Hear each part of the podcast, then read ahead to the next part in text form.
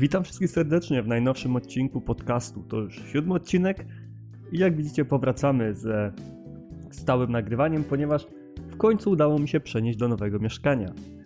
Udało mi się rozstawić jako tako setup, więc może być jeszcze trochę echa, ponieważ róg, w którym nagrywam jest nie do końca dobrze wygłuszony, ale powinno nie być aż tak źle. Tak czy siak dzisiaj jest odcinek praktycznie w pełni bijatykowy, o czym już teraz ostrzegam, jeżeli ktoś nie lubi tej gałęzi rozrywki i dla niego takie turbo szachy to jest coś nudnego, coś niewartego zabawy, no to niestety, ale ten odcinek jest praktycznie cały poświęcony bijatykom.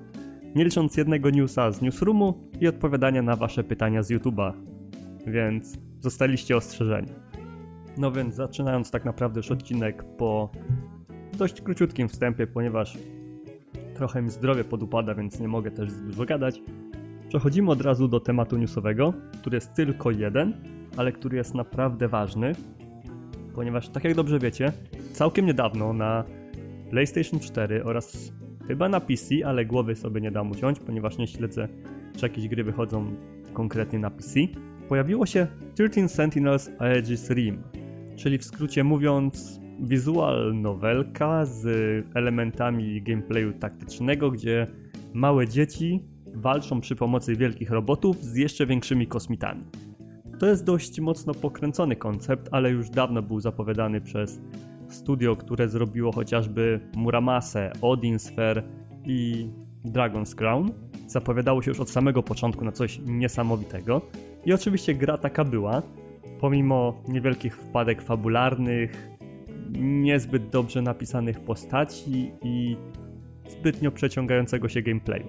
Tak czy siak, naprawdę polecam ten tytuł, a szczególnie w przyszłości, ponieważ zgodnie z oficjalnym info od Vanillaware, już w kwietniu 2022 roku 13 Sentineli pojawi się również na Switcha, czyli według mnie będzie to idealna wersja do ogrywania tej gry, ponieważ Same Sentinele może nie są jakoś super szczegółowe, jeżeli chodzi o grafikę i tak dalej. Fakt, są pięknie wystylizowane i tak dalej, i tak dalej. Ale właśnie brakowało im tego aspektu przenośności, który miał być w wersji na PlayStation Vita, która kiedyś miała się pojawić, ale niestety z powodu śmierci tej konsoli, niezbyt dużego jak gdyby zainteresowania nią, wycofali się z tego. Teraz jednak będziemy mieli wersję na Switcha, która będzie po prostu ultimatywną wersją, jeżeli chodzi o ten tytuł. Ponieważ tak, będziemy mogli grać wszędzie, zabierać sobie ten tytuł ze sobą na, nie wiem, wycieczki, wyjazdy, urlopy i tak.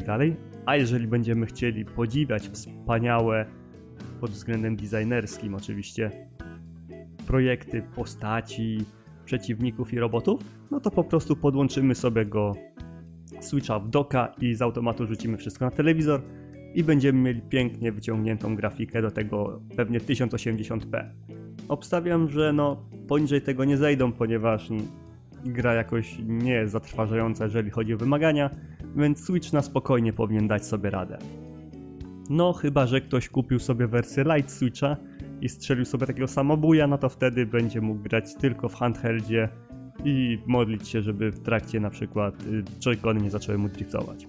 Dobra, to był jeden news z newsroomu, jaki miałem dzisiaj dla Was przygotowany, ponieważ cała reszta to już bijatyki i, wasze, i odpowiedzi na Wasze pytania, więc jedziemy po kolei.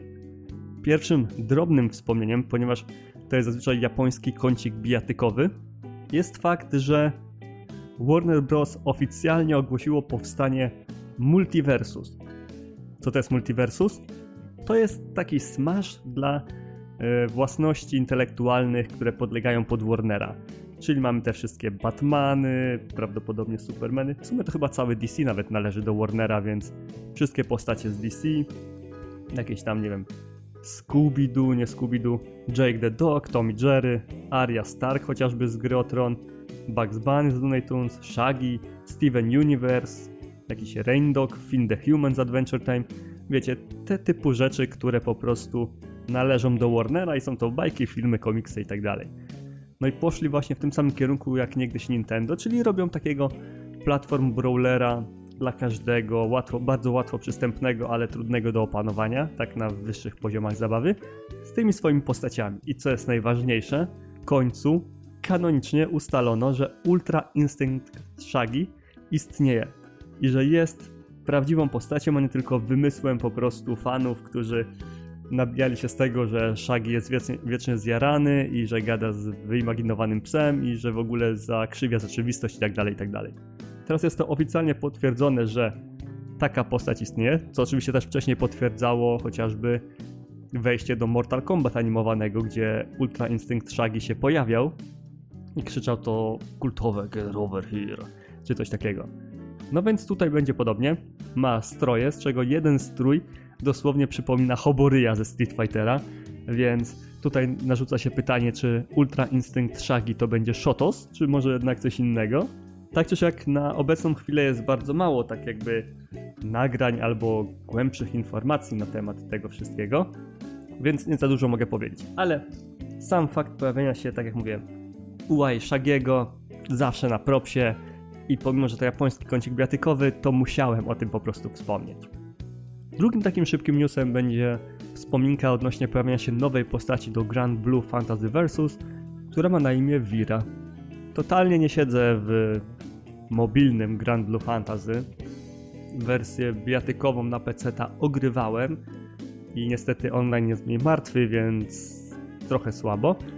Ale dodanie nowej postaci może trochę ożywić całą scenę, która jest w dość mocnym odwrocie powodu tego, że gra nie zawiera rollbacka, tylko dalej jest delay-based netcode, więc jeżeli ktoś ma choć trochę słabszego neta albo jego net zacznie nagle mieć czkawkę, to niestety nie da się z taką osobą grać. Plus granie po Wi-Fi wiadomo też dorzuca swoje.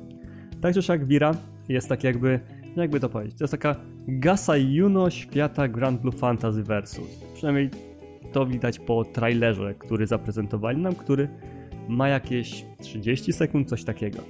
Najprościej można powiedzieć, że ona jest y, Swordmasterką, Blade Masterką, ogólnie osobą posługującą się mieczem, jak chociażby, no nie wiem, Katalina, tak? Która też była takim, wiecie, paladynem.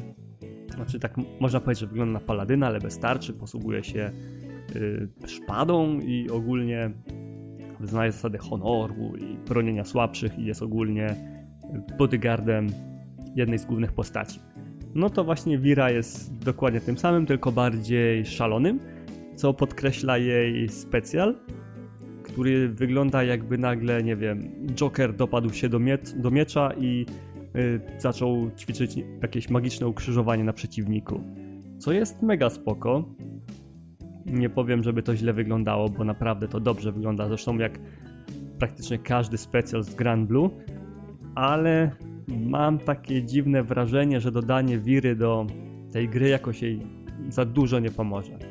Fakt, będzie początkowy przypływ ludzi, ponieważ każdy, kto kupił Season Passa, albo każdy, kto gra w to tak jakby kompetytywnie, ale turniejowo, będzie musiał obadać tę postać, żeby dowiedzieć się jak na nią grać, co ona może robić, może wymienić ją jako swojego głównego maina i tak dalej, i tak. Ale w ogólnym rozrachunku niestety ta gra już tak jakby umiera mimo że ma dopiero chyba rok albo dwa. I to wszystko z powodu właśnie COVID-a, tego, że nie było żadnych większych turniej offline, ani tym bardziej, nie wiem, dobrych turniej online. Team Spooky robi swoje turnieje, które są bardzo spoko, ale Team Spooky działa tylko, jeżeli dobrze pamiętam, na granica, w granicach Ameryki. W Polsce nie spotkałem się z ani jednym turniejem Grand Blue. Nie słyszałem, żeby we Francji jakiś był, w UK prawdopodobnie jakieś pomniejsze były, ale no tu głowy nie dam. W Niemczech nie było żadnego. W ogóle dookoła nas nie było żadnego turnieju. W Japonii oczywiście tak, tam dalej są turnieje i tak dalej, ale to też nie jest taka pompa jak chociażby CPT albo inny combo breaker. Więc Wira fajnie, ale coś czuję, że jeżeli nie wprowadzą rollbacku, to ta gra nie ma szans na przeżycie i ten sezon będzie jej ostatni. A przez ten sezon mam na myśli sezon drugi, który właśnie skończył się dodaniem poprzedniej postaci, czyli Sixa, a tak naprawdę Vira nie wiadomo, czy to jest po prostu jakieś zadośćuczynienie za poprzednie słabe sezony i brak całego, nie wiem, kompetytywnego obrotu, czy po prostu to będzie start trzeciego sezonu, o którym nie powiedzieli jeszcze? Albo po prostu nie planują już wprowadzać trzeciego sezonu i już nie będzie większych zmian, tylko sobie będą dorzucali postacie, no bo tak po prostu wychodzi im taniej. Z drugiej strony natomiast Arxis zrobiło coś niesamowitego, ponieważ zapowiedziane chyba półtora roku temu DNF Duel dostało kolejne trailery. Jeżeli nie wiecie co to jest DNF Duel, to to jest tak jakby coś jak Grand Blue Fantasy Versus, tylko że o ile Grand Blue Fantasy Versus było bijatyką dla, znaczy jest bijatyką dla gry mobilnej Grand Blue Fantasy, tak DNF Duel jest bijatykową wersją dla Dungeon Fighter Online, czyli takiego dwuwymiarowego MMO, które jest dostępne na Steamie tak w ogóle, więc jeżeli chcecie spróbować, śmiało możecie, w którym właśnie wybieramy różne postacie i po prostu bijemy się z przeciwnikami. I powiem wam, że obserwując te wszystkie trailery tej gry, jestem po prostu oczarowany. DNF to jest Guilty Gear Strive, którego pragnęliśmy od samego początku. Gra wydaje się po prostu skomplikowana. Przepiękna, jeżeli chodzi o grafikę, no bo to jest Arxis, tak? Oni już poniżej Strive'a na przykład nie zejdą. Albo chociaż Ksyrda dwójki. Gameplayowo wygląda naprawdę jak jakieś poszerzenie świata Guilty Gear. Mamy postacie, które są podobne, jak chociażby Striker, która wygląda dokładnie jak Jam, tylko że e, w innym stroju, ale jest naprawdę mocno. Czuć każde uderzenie, czuć praktycznie każdy skok, każdego kombosa, każdy specjal. Wszystko ma tam jakąś taką mityczną moc, która po prostu sprawia, że walimy oczy jak pięciozłotówki, kiedy patrzymy na to, co się tam dzieje. Niestety też nie ma zbyt dużo informacji na ten temat, ponieważ tak jakby dopiero ostatnio zaczęły wypływać kolejne, ten, kolejne trailery, właśnie jako chociażby o Strikerze, o Inkwizytorze, o Berserku i tak dalej, więc coś czuję, że tu już maszyna marketingowa się rozpędza i niebawem poznamy zamysł gameplayowy, czy będą tam coś na wzór Roman Canceli albo coś w tym stylu, yy, czy to będzie na przykład jednak teamówka, bo chwilowo zawsze były walki jeden na jednego, ale nigdy nie powiedziano, że to nie może być teamówka, więc wszystko wyjdzie w praniu. Tak czy jak wygląda i zapowiada się to naprawdę dobrze i coś czuję, że to może być pogromca Guilty Geara, biorąc pod uwagę, że chyba na którychś trailerach były pokazane paski życia, ale głowy sobie nie dam, mogę mylić to z inną grą i damage output nie był aż tak wysoki jak w Guilty Gearze, więc zawsze to daje trochę więcej zabawy. Tak czy siak czekam, zobaczymy co z tego wyjdzie i jak już o Guilty Gearze mowa, to warto też wspomnieć o kolejnej grze Arxis, która jest teraz trzecią z kolei, ponieważ najpierw było Grandu, teraz było DNF, a teraz będzie właśnie Guilty Gear Strive. Gra otrzymała nową postać. Znaczy, zależy kiedy to słuchacie. Technicznie nagrałam to przed jej wydaniem, ale może być tak, że do 30 października ta, ten odcinek się nie pojawi, więc posłuchacie go już po wydaniu. Ale już są pewne opracowania postaci, która się nazywa Happy Chaos, która miała być moją główną postacią, dla której miałem w ogóle kupić Season Passa i tak dalej, i tak dalej, ale stwierdziłem, a poczekam sobie, zobaczymy co tam zaprezentują. Bo może to będzie jakiś rushdown, no to właśnie w pokroju jam albo coś takiego, no to będzie idealnie. Ale coś mi tam z tyłu głowy tak po prostu pikało, że poczekaj, zobacz co pokażą o nim i dopiero wtedy ewentualnie kup pasa albo samą postać. No i powiem wam, że dobrze, że poczekałem, ponieważ Happy Chaos nie jest postacią, która po prostu mogłaby mi się spodobać z innego powodu niż designerskiego, ponieważ jest to gunslinger, a ja nie lubię, nie umiem za bardzo grać gunslingerami, postaciami, które muszą używać broni palnej do tak jakby zadawania nie tylko obrażeń na odległość, ale też wprawiania przeciwników w stan, robienia mix-upów i tak.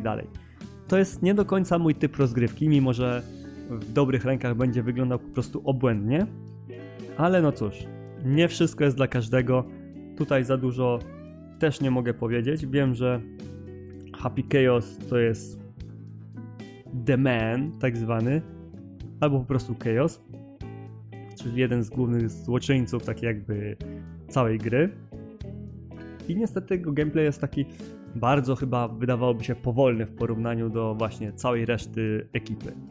Tak czy jak powiem o nim trochę więcej najwyżej, jak już będę miał dostęp do tej postaci, czy to poproszę jakiegoś znajomego, żeby udostępnił mi na chwilę konto z Season Passem, żebym mógł go obadać, czy to po prostu coś po prostu, coś wymyślę, żeby wam coś więcej o nim powiedzieć.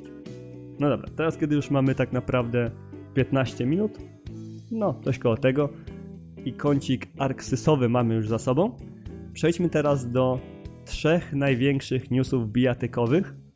Dwóch japońskich, jednego amerykańskiego, co będzie kolejnym odstępstwem, tak samo jak mówienie o Ultra Instinct Shaggy, trochę wcześniej, ale uwierzcie mi, będzie warto. Więc zaczynamy po kolei. King of Fighters 15 miało niedawno swoją betę. Jeżeli dobrze pamiętam, beta wypadała jakoś w zeszłym tygodniu? Coś takiego. Chyba to był między 19 a 21 albo 12 a 14 listopada. Więc każdy, kto chciał za darmo mógł przetestować ten tytuł i część jego trybów. I ja tak zrobiłem. Pograłem sobie nie za długo, ponieważ nie nerdziłem załóżmy tam, nie wiem, 30-40 godzin w ciągu tych 3 dni, tylko pograłem sobie kilka godzinek, żeby obczaić co i jak, jak to wypada na tle poprzednich odsłon, co jest dostępne i jak ogólnie to się sprawuje online. I powiem wam, że byłem oczarowany tym, co zauważyłem, znaczy tym, co, czego doświadczyłem. Jeżeli chodzi o grafikę, nie do końca mi to odpowiada. Jest oczywiście pięknie, ale to nie jest tak jakby poziom, do który przyzwyczaiło mnie chociażby Arxis, gdzie wszystko jest pięknie dopieszczone i tak dalej. Bliżej temu do gry, która by powstała pod koniec poprzedniej generacji i była w niej osadzona, niż do tego, co moglibyśmy doświadczać na PlayStation 5. Gra oczywiście chodzi bezbłędnie w 60 klatkach, tutaj nie ma praktycznie zarzutów co do tego. Design postaci jest różny, różniasty, niektóre są kolorowe, pełne detali, odstających kawałków ciuchów, ale też są takie, które mają na przykład tylko tank top, do tego obcisłe jakieś moro i kozaki, czy tam inne trepy, więc tutaj każdy znajdzie coś dla siebie. W wersji beta było do przetestowania tylko kilka postaci, w tym jedna nowa, czyli Dolores, czyli tak jakby Gara w uniwersum King of Fighters. Przynajmniej tak to wygląda, ponieważ o ile Gara w Naruto walczył piaskiem, tak Dolores walczy za pomocą błota, czyli mokrego piasku, powiedzmy, tak? I teraz tak. Odpalałem po prostu tryb treningowy, tryb online i bawiłem się co nieco po prostu w opcjach, żeby zobaczyć co, jak, gdzie i kiedy działa.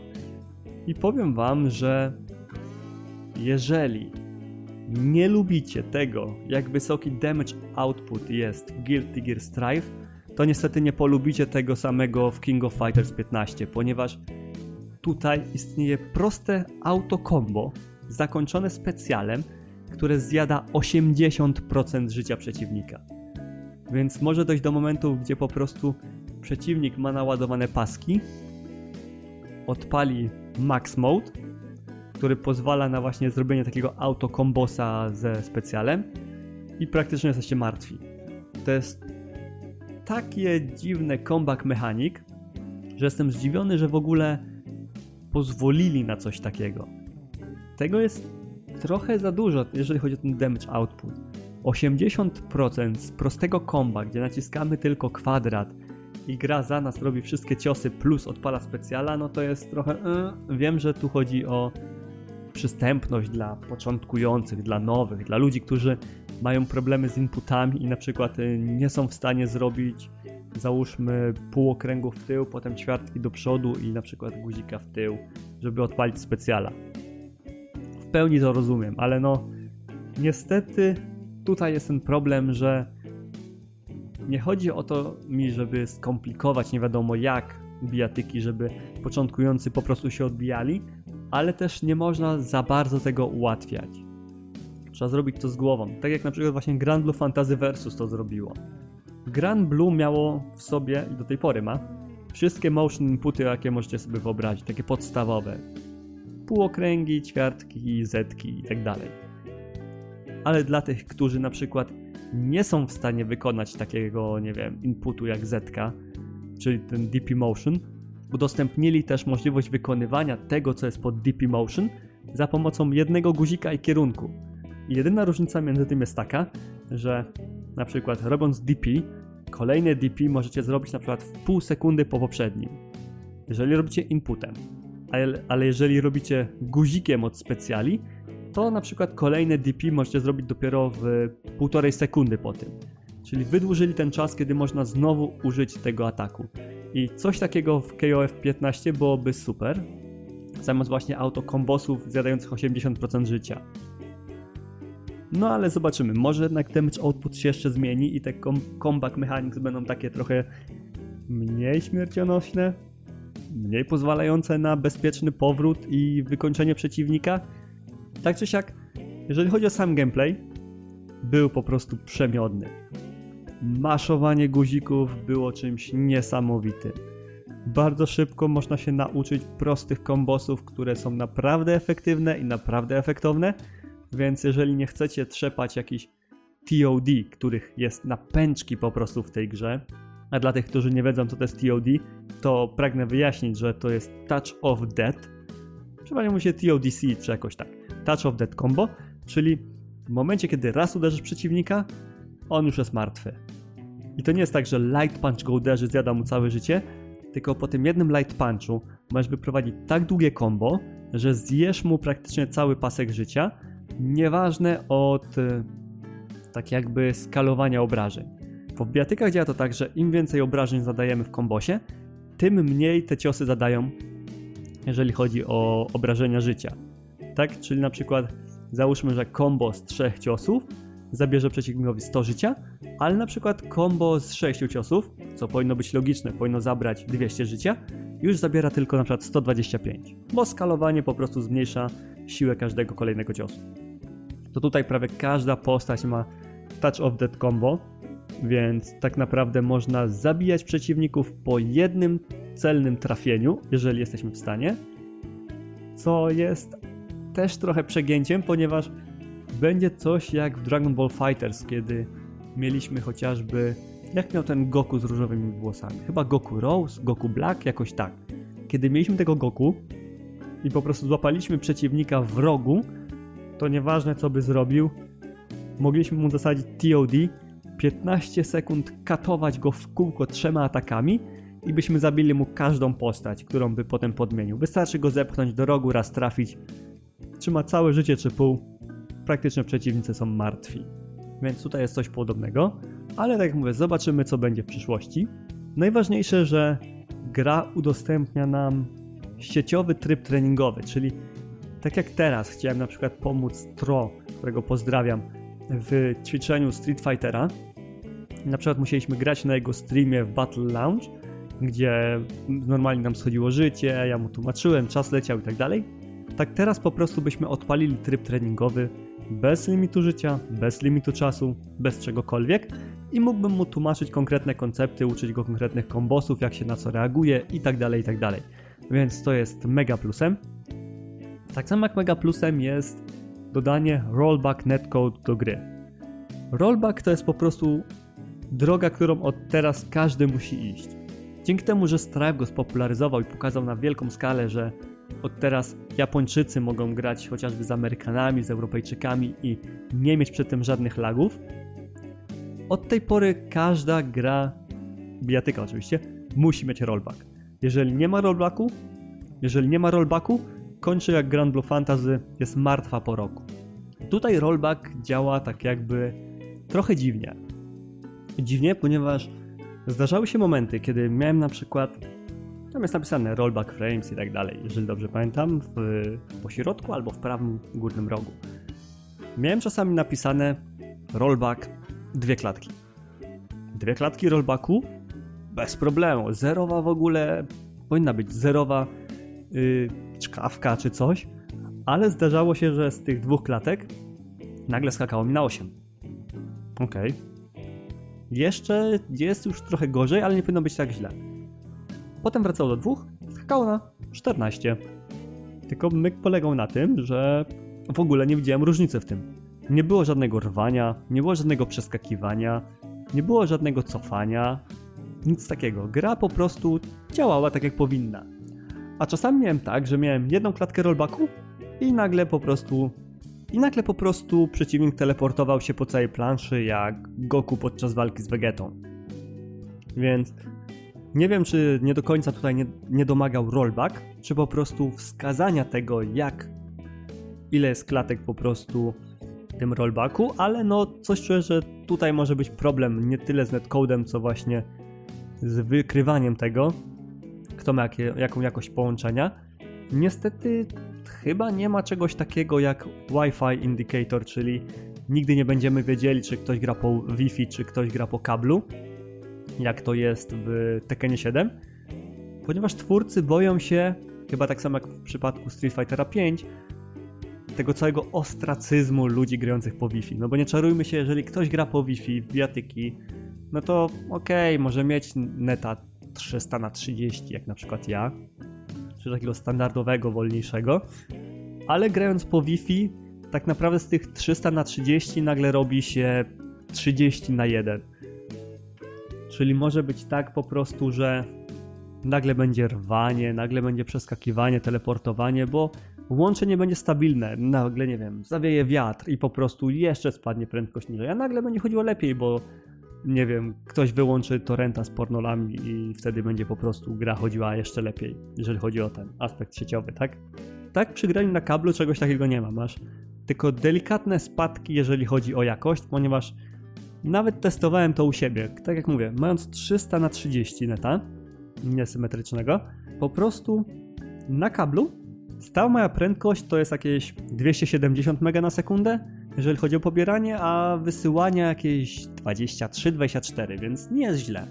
Ale jeżeli już przełączyłem się tylko na Wi-Fi, to niestety prędkość spadała na przykład do 50, jeżeli chodzi o pobieranie, a wysyłanie do 1, 2, 3 mega. To technicznie też nie powinno przeszkadzać, ale jeżeli gramy na większe odległości, to niestety każdy taki megabajt ma znaczenie, więc grajcie lepiej po kablu i zaoszczędźcie po prostu innym cierpienia, bo inaczej jeżeli wprowadzą Wi-Fi Indicator tak jak w Tekenie, to nieważne jak dobrego byście mieli neta, nikt z wami prawie nie będzie grał poza innymi ludźmi po Wi-Fi. Ewentualnie smurfami, którzy są po prostu uformowani w tym całym biciu słabszych na gorszych połączeniach sieciowych.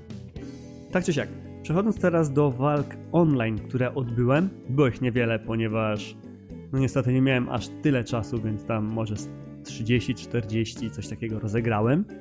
Było strasznie skocznie. Są postacie w King of Fighters, które mają ataki z powietrza w swoim repertuarze i wtedy to jest bardziej niż zrozumiałe, że trzeba skakać, żeby wykonać jakiegoś specjala czy coś. Ale niestety to jest taka przypadłość wieku dziecięcego każdej bijatyki. Ludzie jeszcze nie zrozumieli do końca, że przynajmniej ci początkujący, ci tacy wiecie, którzy dopiero co wchodzą w bijatyki albo po prostu chcieli spróbować, bo jest za darmo, nie rozumieją czegoś takiego, że nie wolno skakać. Ich, na przykład tak jak w Street Fighterze 5, próby uczą tego, że jest masę kombosów z wyskoku. Więc online zdarza się tak, że wszyscy po prostu skaczą, byle zrobić tego kombosa z wyskoku, bo nie do końca rozumieją, że ten kombos z wyskoku można też zrobić dokładnie tak samo, ale z ziemi, pomijając pierwszy cios, zaczynając od drugiego. Więc walki sieciowe po prostu były mega skoczne, coś jak w Guilty Gear Strive, który oczywiście jest air więc tam skakanie i tak dalej ma jak najbardziej sens, bo to jest przemieszczanie się, robienie mix-upów, przeskakiwanie nad kolesiami, overheady i tak dalej. Ale w KOFie 15 trochę nie do końca to rozumiałem, więc było naprawdę dużo skakania, więc jeżeli ktoś opanował po prostu anti-airing za pomocą DP albo chociaż zwykłego guzika anti-aira, to wygrywał prawie każdy mecz. Ponieważ ludzie po prostu sami się zabijali o nasze opcje antylotnicze, że tak powiem. Więc to, był, to była trochę bolączka na początku. Z czasem oczywiście to wszystko się zmieni i już ludzie tak nie będą skakać, ale na początku, tak jak mówię, trzeba na to uważać. Więc to była z pierwszych bolączek. I druga bolączka była taka, że prawie wszyscy jechali na autokombosach. Mało kto chciał się nauczyć po prostu jakiegoś podstawowego komba za pomocą inputów, więc wszyscy po prostu wciskali 1, 2, 3, 1, 1, 1 albo 1, 3, 1, coś takiego. Wiecie, proste guziki, żeby wykonywać komba. I niestety, jeżeli widzieli, że na przykład jeden cios nie trafił, to zamiast przerwać combo, kiedy byli na przykład na plusie, albo nie wiem, zrobić drugi cios, przerwać combo, kiedy są na zero i blokować, oni po prostu cisnęli do samego końca guziki ile wlezie, aż im wyskoczy całe combo, no potem zbierali grubą karę za to i niestety zdarzały się rage quity, więc tutaj musicie bardzo na to uważać. Nie denerwujcie się na nich. Ja wiem, że rage quitterzy potrafią zepsuć dzień, kiedy na przykład wygrywamy, wygrywamy, już mamy punkty do następnej rangi, a tu nagle boom, ktoś dał rage quita, nie dostajemy punktów i tylko straciliśmy czas.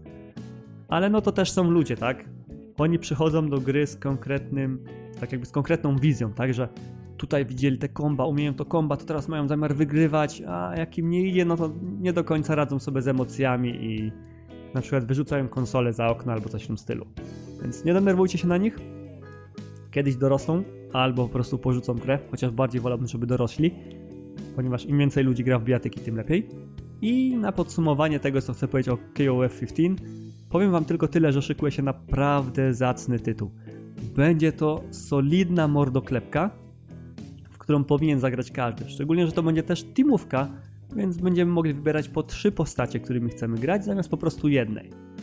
Co tak jakby bardzo ułatwi wszystkim, którzy mają kryzys postaci. Ja mam kryzys postaci w prawie każdej grze, non stop zmieniam postacie. Teraz dopiero po przejściu na hitboxa przerzuciłem się na Karin, ale po tym jak zobaczyłem postać z kolejnego tematu, o którym będę mówił, no to już wiedziałem, że sorry Karin, zostajesz moim subem, on będzie moim minem.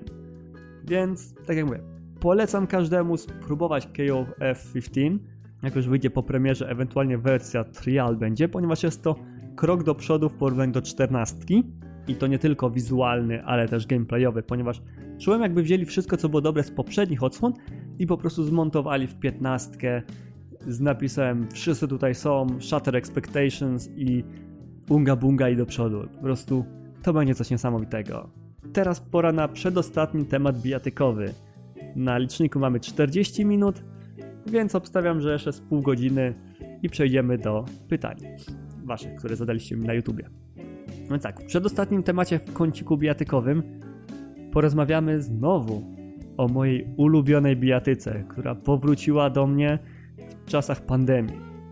Jak dobrze pamiętacie z Road to Evo, o ile to oglądaliście, czego ja na przykład nie mogę, bo już czuję, że to jest cringe, który łamie mi kręgosłup, a które dostanie też swój nowy odcinek o nazwie Postmortem, ale to już w przyszłości. Jak dobrze pamiętacie z Road to Evo, wybrałem Street Fighter 5 jako moją główną bijatykę.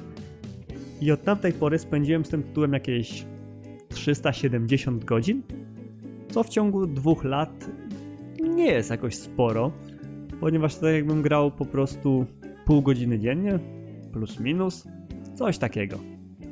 Więc nie jest źle, ale kiedy tego słuchacie, prawdopodobnie już jest dostępna nowa postać, czyli nowa i ostatnia postać do Street Fightera 5, która totalnie zamyka ten tytuł i podczas ostatniej prezentacji powiedziano, że prace nad Street Fighter 6 już trwają i że Luke, którego dodali właśnie jako ostatnią postać w ostatnim Season Passie, jest tak jakby wglądem w przyszłość tego, co nas czeka w Street Fighter 6.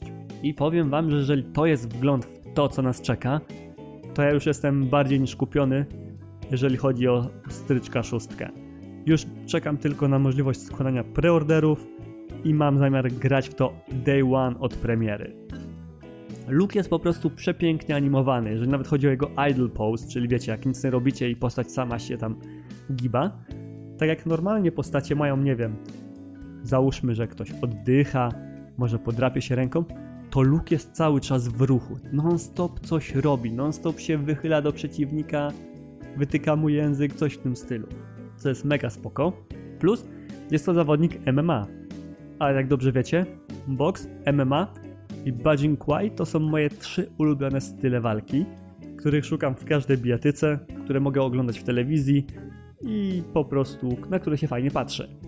Więc Luke jako zawodnik MMA ma też swoje ciosy, które właśnie odzwierciedlają coś takiego, jak na przykład overhead, który jest fikołkiem, uderzanie, nie wiem, sierpowymi, które, co dziwo, co nie jest standardem w bijatykach, ani tym bardziej dla każdej postaci, każdy normal pięści, czyli lekka pięść średnia i mocna, pchają go trochę do przodu. Więc z każdym uderzeniem nie musimy trzymać przodu, żeby wykonywać walk, żeby wejść w zasięg uderzenia przeciwnika, tylko sami jesteśmy tak jakby wypychani do przodu, więc to jest mega spoko, ponieważ często zdarzało się tak, że podczas wykonywania np. panisza przy pomocy Karin, kiedy ktoś zrobił mi DP, używałem mocnego kopniaka, potem mocnego uderzenia, lekkiego uderzenia i znaczy średniego uderzenia i lekkiego letniego specjala. Tak teraz, po mocnym kopniaku, nie będę musiał się martwić o to, czy moja postać będzie w zasięgu któregoś kolejnego ciosu, czy po prostu będzie whiff i ja dostanę baty, ponieważ z każdym uderzeniem ja będę coraz bliżej przeciwnika, więc będzie mi o wiele łatwiej wykonywać pewne kombosy. No i Luke ma oczywiście swoje target combo, które jest podobne do target combo Lucii, czyli po prostu atakujemy trzema guzikami. Banalne combo. Lekki, średni, mocny guzik i praktycznie Luke zasada trzy buły, z czego ostatnia jest mocna, więc powala przeciwnika, więc mamy też okazję na tak jakby oki jakieś wykonanie, tak? Czy to będzie dash w graba, jakieś, nie wiem, miti, coś w tym stylu, tak? Do tego Luke ma super opcje antierowe oraz do grania jako zoner, ponieważ o ile dobrze wiecie, Ryu ma swoje hadokeny, czyli takie firebole, które lecą z różną prędkością, ale mają taki jak gdyby wolniejszy startup. Nie są takiego super szybko wystrzeliwane. Tak Luke strzela jakimiś prawie że niewidzialnymi pociskami, oczywiście o mniejszym zasięgu, ponieważ nie przelecą całego ekranu, ale robi to bardzo szybko. Więc jeżeli tylko na przykład widzimy, że Ryu wali swoim Hadokenem albo coś, możemy szybko zaatakować naszym projectilem.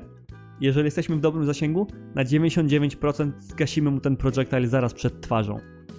Co jest niesamowite, ponieważ to daje takie możliwości zonowania przeciwników. Już na przykład taki Dalsim nie będzie miał prawie w ogóle szans na skontrowanie tego, ponieważ zareagowanie na tak szybki pocisk jest wręcz niemożliwe. Jeżeli nie wyczujemy, że przeciwnik lubi taki styl gry, że nawala non-stop firebole i nie będziemy non-stop blokować, to nie ma możliwości, żebyśmy na reakcję spróbowali coś takiego obronić. Co lepsze, wersja EX tego oraz wersja V-skillowa albo V-triggerowa strzela kilka pocisków naraz. Więc jeżeli gramy przeciwko zonerowi, który strzela pociskami, odpalimy po prostu, po trochu będziemy pochodzić tymi szybkimi pojedynczymi, a pod koniec odpalimy kilkukrotny ten pocisk, to nie ma szans, żeby on po prostu mógł być bezpieczny. Momentalnie wchodzimy mu na twarz po tym, jak zostanie powalony przez trzy pociski.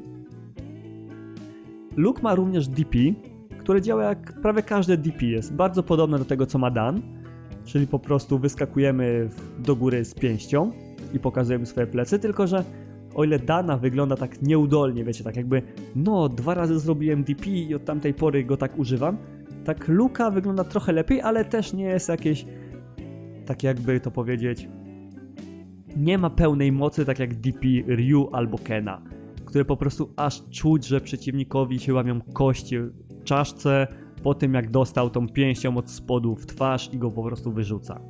Mamy oczywiście też ataki ładowane, tylko nie tak jak przy chargerach, że musimy trzymać tył przez chwilę na przykład, potem przód i pięść i wtedy wykonujemy jakiś atak, tylko że robiąc ćwiartkę do tyłu, Luke ładuje swoje pięści, one robią się takie napakowane i każdy atak zadaje tak jakby więcej uderzeń, ale niekoniecznie więcej obrażeń.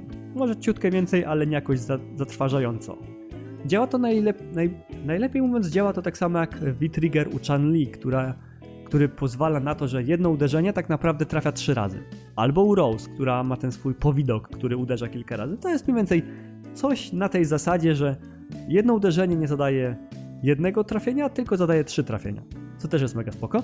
Luke jest naprawdę prosty, jeżeli chodzi o kombosy, z tego co widziałem i z tego co sam próbowałem chwilę pograć. Więc jeżeli oczywiście chcecie go spróbować, jak najbardziej polecam. Będzie to taki jak najbardziej ofensywny no nie chcę tego mówić Shotos, ale no to jest jeszcze bardziej ofensywny Ken. Jeszcze bardziej ofensywny Akuma, jeszcze bardziej ofensywny, nie wiem, Kage i tak dalej. Po prostu on jest tak nastawiony na zonowanie i na zadawanie obrażeń, że po prostu od samego początku wiedziałem, że będę chciał nim grać. Niestety jego specjal nie jest jakoś zatrważająco dobry. W sensie zadaje obrażenia i tak dalej, ale jego wygląd to jest tak naprawdę 4-5 uderzeń zakończonych yy, hakiem w twarz i to wszystko. No okej, okay. może być, nie powala, może jakby dali trochę więcej uderzeń jak w stylu, nie wiem, Luffy'ego z One Piece'a to by było lepiej, ale ogólnie nie jest źle, ale nie jest też jakoś super. Co ciekawe, ta postać ma też V-Triggera, który pozwala kontrować wszystkie graby. Command graby, wake up graby, wake up throwy, tick throwy. Nieważne co, jeżeli dobrze nim wymierzycie, jesteście w stanie skontrować każdego graba przeciwnika. Co sprawia, że graplerzy będą mieli strasznie pod górkę, jeżeli chodzi o walczenie przeciwko niemu. Ponieważ jeżeli tylko będziemy mieli pasek naładowany i odpalimy tego skilla, będą bali się zasadzać command graby w y, obawie przed byciem ukaranym.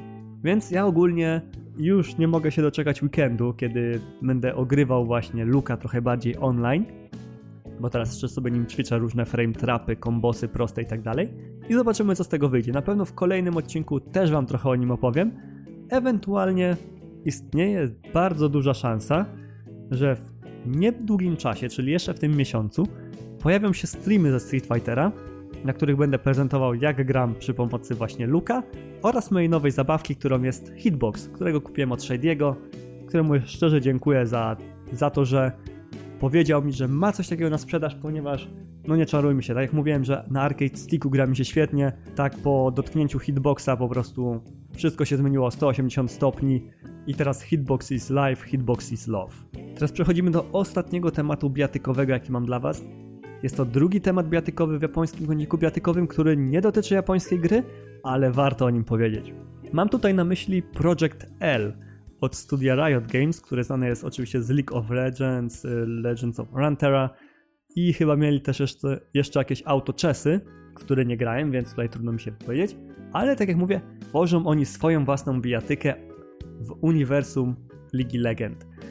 I o ile tak samo jak z poprzednią grą między pierwszym pokazem a obecnym minęło dość sporo czasu, tak teraz twórcy po prostu wysypywali informacje jak z rękawa po prostu. Pokazano nam gameplay, pokazano nam jak pracować nad tym tytułem, opowiedziano nam, że będzie rollback, czyli to już jest trzecia gra, która będzie miała rollback z tych nowych. KOF, DNF Duel i właśnie Project L. Więc rollback is life, rollback is love. Więc nie bójmy się o żadne w ogóle problemy z połączeniem. Gameplayowo to będzie gra drużynowa, gdzie wybieramy dwie postacie i uczymy się ze sobą w stylu chociażby, nie wiem, Dragon Ball Fighters, Marvela i tak dalej, i tak dalej. Grand Blue, nie Grand Blue, tylko ten, e, Blast Blue Tag Team, więc będzie po prostu coś niesamowitego, jeżeli chodzi o tworzenie synergii własnych zespołów. Na pewno będzie Jinx, na pewno będzie Ari, na pewno będzie jakaś trójka innych męskich postaci, których nawet nie znam, więc tutaj mi ciężko cokolwiek o nich powiedzieć. Ale z gameplayowego punktu widzenia jest również naprawdę solidnie i wydaje się to, że Project L będzie amerykańską wersją Guilty Gear'a. Tak luźno mówiąc, wiecie, żartobliwie, że będzie dużo opcji, będzie pięknie wyglądało, będzie pięknie działało i co najważniejsze, będzie tytułem, do którego wszyscy będą celowali, jeżeli chodzi o zarabianie pieniędzy. Ponieważ może tego nie wiecie, ale ogólnie, jeżeli bierzemy udział w turnieju bijatykowym, załóżmy, niech będzie Never Stop Mashing Tournament, tak? Mamy na przykład 128 graczy, którzy biorą w nim udział. To tak naprawdę nagrodę pieniężną zgarnia może tylko pierwsza trójka, pierwsza czwórka, coś takiego, nie? Tak? Riot ma taką zasadę, że oni nagradzają pieniężnie każdego, nawet do chyba 32 miejsca w tabeli, tak?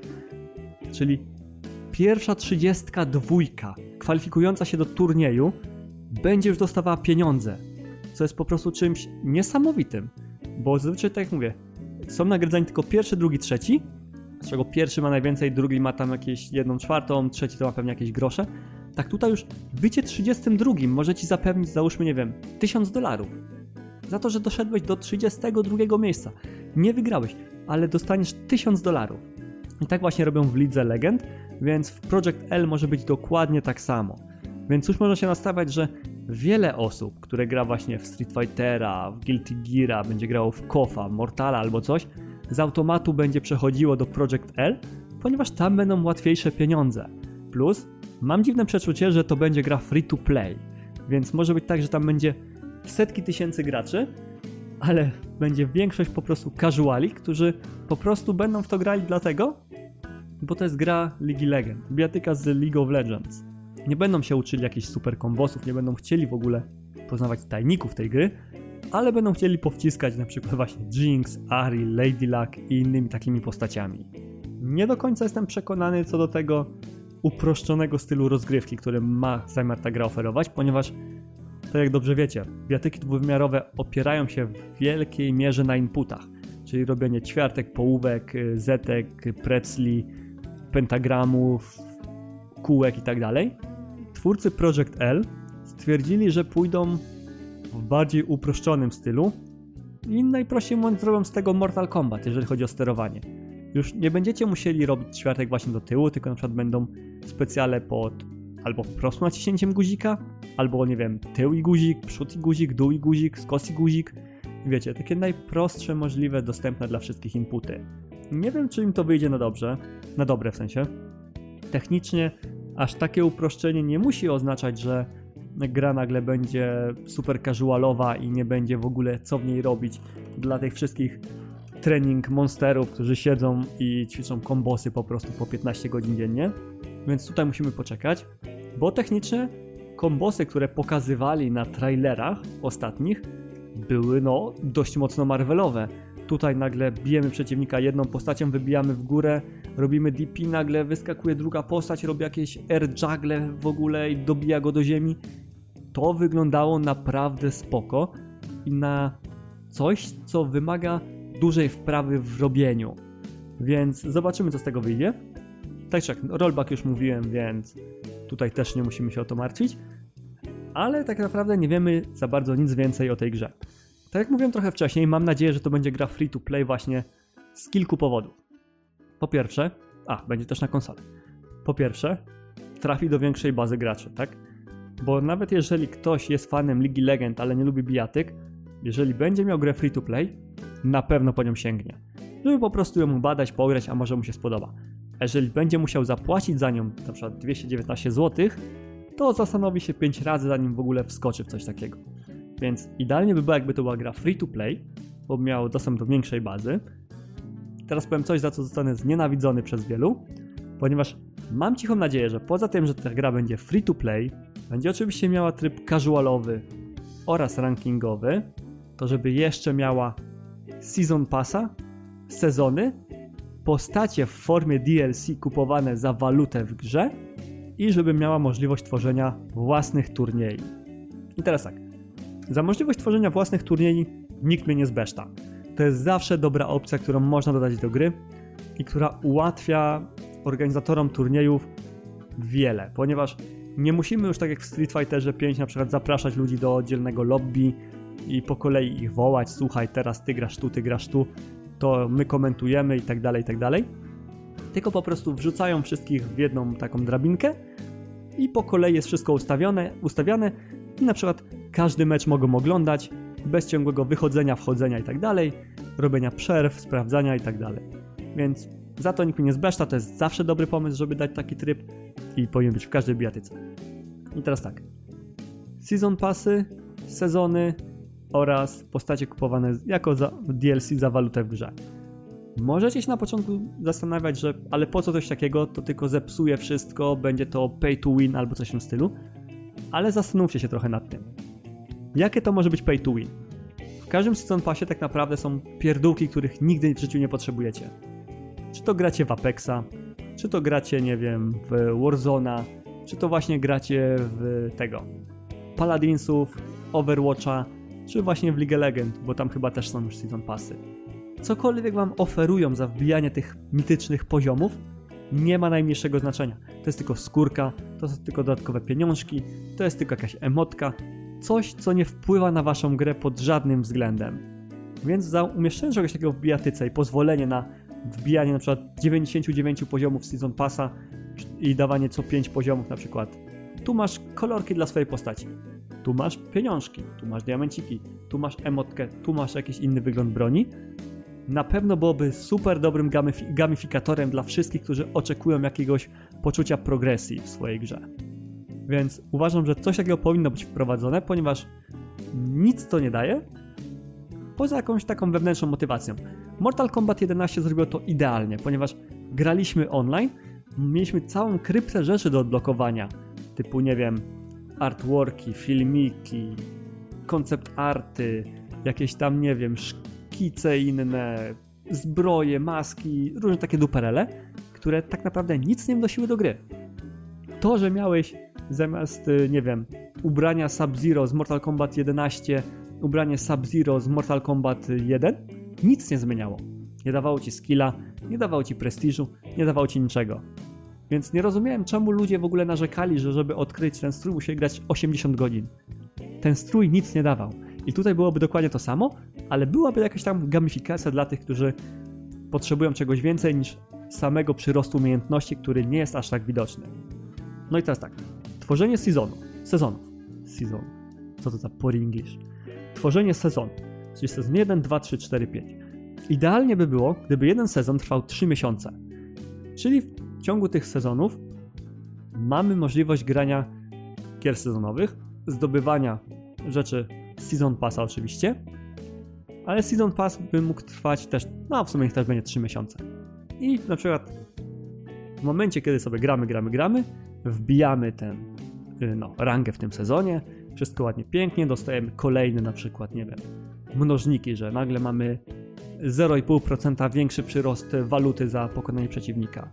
Mamy coś innego, więcej expa do postaci, który odblokowuje na przykład nowe emotki albo coś. I na przykład na koniec każdego sezonu, czyli na koniec każdego trzeciego miesiąca, mielibyśmy wielki leaderboard 100 najlepszych graczy.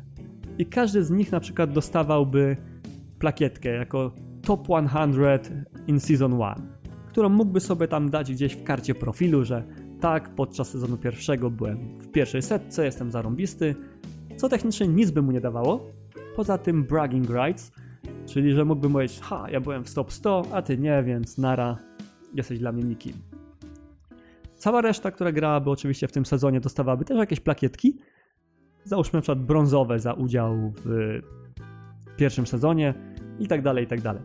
W ciągu roku mielibyśmy na przykład cztery takie sezony i na koniec czwartego sezonu braliby te wszystkie plakietki i z nich robili jedną wielką plakietkę sezonu pierwszego. Bo każdy sezon byłby podzielony na cztery części. I ciach w profilu masz, że w pierwszym sezonie jesteś taki, taki, siaki, bo zdobyłeś to, to i to. Idealne rozwiązanie. Technicznie co 3 miesiące, czyli w tych częściach sezonu, cały leaderboard byłby zerowany. Czyli wszystkie punkty, jakie zdobyłeś, idą z automatu do śmieci. Ale nie mylcie to z punktami rankingowymi, ponieważ gra też chciałbym, żeby miała tryb casualowy i rankingowy. Casualowy, gdzie gra się o nic, co najwyżej o pieniążki, które się dostaje za wygraną, tak jak w Street Fighterze, a rankingowy, który daje ci rangę, czyli masz na przykład brąz, brąz 1, brąz 2, brąz 3, brąz 4, brąz 5, srebro 1, 2, 3, 4, 5, złoto 1, 2, 3, 4, 5, platyna 1, 2, 3, 4, 5 i tak dalej. Wiecie, takie typowe rankingowe. Wygrywamy, dostajemy punkty, ranga rośnie, przegrywamy, tracimy punkty, możemy spaść z rangi. I to by było też super rozwiązanie. Jeżeli chodzi o same sezony takie już i jeszcze dodatkowe, to jeden sezon trwający rok miałby na przykład konkretne mechaniki i tak dalej, ale na przykład drugi sezon zaczynałby się od wielkiego patcha, który by wszystko zmieniał. I nagle na przykład jedna postać miała 3 frame jaba, to teraz ma czteroklatkowego jaba albo coś w tym stylu. To nie miało takiego zasięgu, nie miało takiego hitboxa, tu nagle zmieniamy, tweakujemy i nagle się okazuje, że ma i tak dalej. Coś jak jest w prawie każdej bijatyce, co w Street Fighterze 5 było najbardziej widoczne. Plus można by dzięki temu co sezon wprowadzać właśnie nowe mechaniki. Tak jak w stryczku wprowadzono V-Shift, V-Triggery, V-Skille nowe. Coś takiego mogliby też dawać jako bardzo fajne uzupełnienia, jeżeli chodzi o Project L. I teraz ostatnie, na co można by mnie znienawidzić, czyli postacie w formie DLC kupowane za walutę z gry. Czyli dokładnie to samo, co mamy w Street Fighterze 5. Jeżeli nie chcemy wydawać grosza na jakąkolwiek z postaci, nie chcemy kupować Season Passa, nie chcemy kupować pojedynczych postaci albo coś takiego, co też mogłoby być fajne w Project L, to mamy możliwość kupienia danej postaci za walutę w grze. Czyli tak jak w Street Fighterze, jeżeli zbierzemy 100 tysięcy fight money, to możemy sobie kupić konkretną postać po prostu za tą walutę i nie wydawać ani złotówki z naszego normalnego portfela. I widziałbym dokładnie coś takiego w Project L. Oczywiście byłyby te wszystkie charakter pasy i tak dalej, gdzie, kupujemy na przykład za 130 zł dostęp do wszystkich postaci z sezonu pierwszego i załóżmy, że tam będzie 5 postaci. Ale też fajnie by było, jakby dawali możliwość kupna pojedynczych postaci. Albo właśnie tak jak mówię, kupienie za walutę w grze. I załóżmy, że za wygraną dostawalibyśmy, nie wiem, 200 punktów? 200 zł? Coś takiego? A kupienie, załóżmy, postaci nowej, która dopiero co weszła, kosztowałoby 80 tysięcy. Kupienie postaci starej, która ma już na przykład pół roku, kosztowałoby 40 tysięcy. A starej, czyli na przykład taka, która już jest po roku, tylko 20 tysięcy. I to by było coś świetnego. Nikt by nie musiał wydawać pieniędzy. Gra byłaby free to play, każdy mógł mieć każdą postać i po prostu kto by chciał, wydawałby hajs, kto nie chciał, zbierałby normalnie pieniążki, wykonując, nie wiem, misje dzienne, misje tygodniowe, zbierając z tego właśnie, yy, no, Season Passa i tak dalej, i tak dalej. I chciałbym, żeby właśnie Project było takim tytułem, ponieważ widzę w nim bardzo duży potencjał i o ile musimy poczekać do 2023 najwcześniej na premierę, tak ja już nie mogę się doczekać. Będzie, będę miał dylemat, jeżeli gra wyjdzie w okolicach Street Fightera 6, ponieważ będę musiał dzielić mój czas między te dwa tytuły, ale na pewno Street Fighter 6, DNF Duel i Project L będą tytułami, w które będę grał maniakalnie. Strife chwilowo jest odstawiony na bok, ponieważ czekam na Jam. KOF 15 nie do końca jestem pewny, czy wskoczę na pewno na premierę, ale na pewno wskoczę. Smasha nie gram już prawie w ogóle. Brawlhalla nie gram w ogóle. Tekena porzuciłem. Dragon Ball Fighters też już praktycznie nie tykam. Virtua Fighter, DOA też już praktycznie dotykam. Więc coś czuję, że właśnie ten zestaw, jak ten przyszłościowy zestaw Street Fighter, Project L i DNF Duel będą moim stałym zestawem, a reszta będzie po prostu z doskoku dla zabawy. Tym samym na liczniku wyskakuje nam, przynajmniej mi wyskakuje, godzina i 9 minut obecnego odcinka, więc pora zrobić to, co obiecałem już wcześniej, czyli odpalam właśnie YouTube'a niepotrzebnie na komputerze, bo przecież mogę na telefonie i już zaczynamy czytanie waszych pytań, o które prosiłem was w jednym poście jakiś czas temu i dokładnie tak samo będę prosił was o kolejne pytania. Raz na jakiś czas będę po prostu wrzucał post reklamowy z pytaniami do odcinka. Jeżeli będziecie chcieli mi zadać jakieś pytanie, to bez problemu ładujcie tam. Będzie to w karcie społeczności na YouTubie, co może być dla wielu trochę dziwne, no bo hej, zazwyczaj takie pytania zadaje się na fanpage'ach, na socjalach i tak dalej, ale ja stwierdziłem, że po prostu łatwiej będzie zrobić to tam. Będzie jako taki dodatkowy bonus dla tych wszystkich, którzy śledzą mnie jeszcze na YouTubie. No więc jedziemy po kolei. Kłodzik pyta, czy wrócisz do Kasto ku słońcu? Siema Kłoda. Nie, niestety nie wrócę, ponieważ mieszkam w Zgierzu, kupiłem mieszkanie w Zgierzu, o czym mówiłem na początku. I mam tu bardzo dobrą pracę i dziewczynę, więc no niestety, ale o ile uwielbiam Szczecin i uważam, że jest to jedno z najlepszych miast do życia, tak niestety nie będę do niego już wracał. Ale pozdrawiam wszystkich z Kasto i jak będę tylko w okolicy na pewno przyjdę pozawracać wam trochę tyłka. Tro 1990 pyta, dokąd nocą tu ptajesz?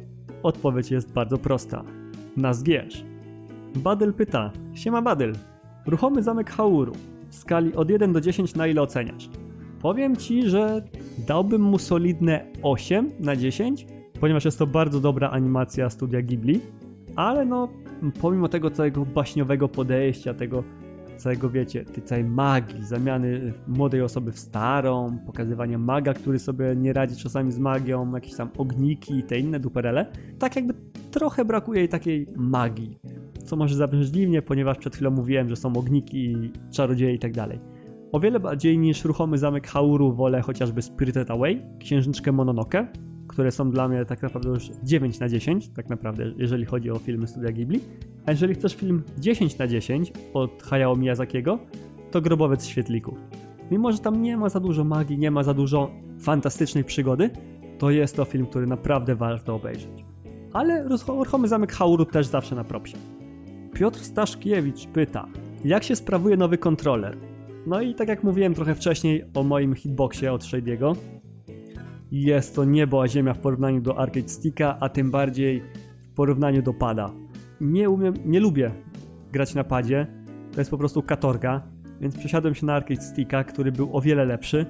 To sobie teraz wyobraźcie, że jak chwaliłem Arcade Sticky w każdym możliwym momencie, to po dotknięciu hitboxa arcade sticky są dla mnie na tym samym poziomie, na którym były pady, kiedy dotknąłem arcade sticka. To jest niebo a ziemia, to jest po prostu coś niesamowitego. Pomimo, że konstrukcja sama w sobie wydaje się strasznie taka antyużytkownikowi, ponieważ klawisze są blisko, nagle dołem się skacze, tutaj masz ma maluteńkie klawisze, tak po spróbowaniu tego potrzebowałem jakieś pół godziny, może 40 minut, żeby się przyzwyczaić i już nie widzę powrotu do arcade sticka. Odłożyłem go na spokojnie na górę, leży sobie w oryginalnym pudełku. Jeżeli jakiś znajomy do mnie przyjdzie pograć, to bez problemu mogę mu go ściągnąć, będziemy upali. Ale po przejściu na hitboxa nie widzę powrotu do arcade sticka. Chyba, że nie będę miał wyboru. Egzekucja każdego mojego ruchu momentalnie skoczyła do góry.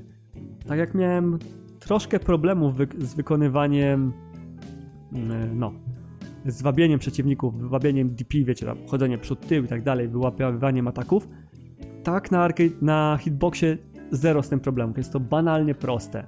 Są oczywiście rzeczy, które się wykonuje trudniej, ale to do tego też idzie się bardzo szybko przyzwyczaić. Więc jeżeli mielibyście kiedyś wybór między arcade stickiem a hitboxem, bez problemu polecam jedno i drugie, ale hitbox będzie o wiele lepszy.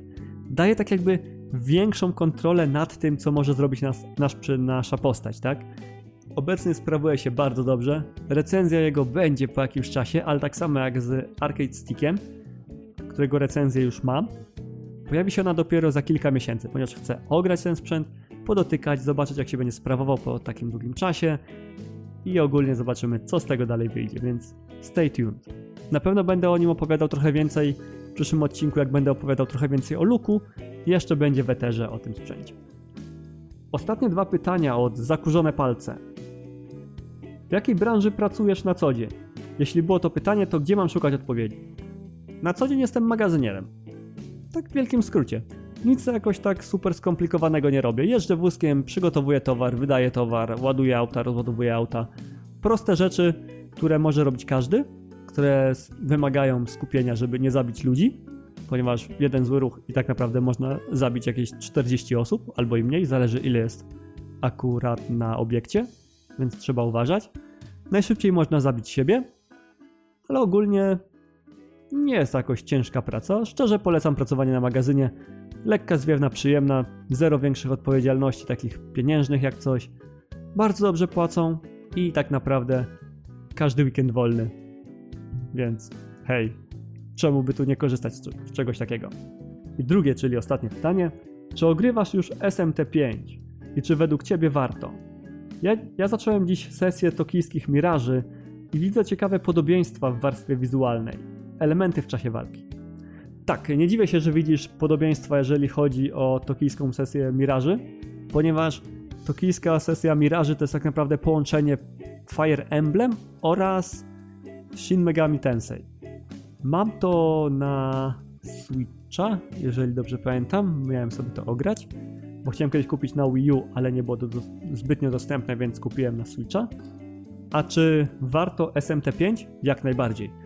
Jest to najlepsza odsłona SMT od lat, chociaż wiele osób mówi, że trójka była lepsza, czwórka miała troszkę lepsze rozwiązania. Tak, nie znam osoby, która by grała w piątkę i narzekała na nią, więc jak najbardziej warto.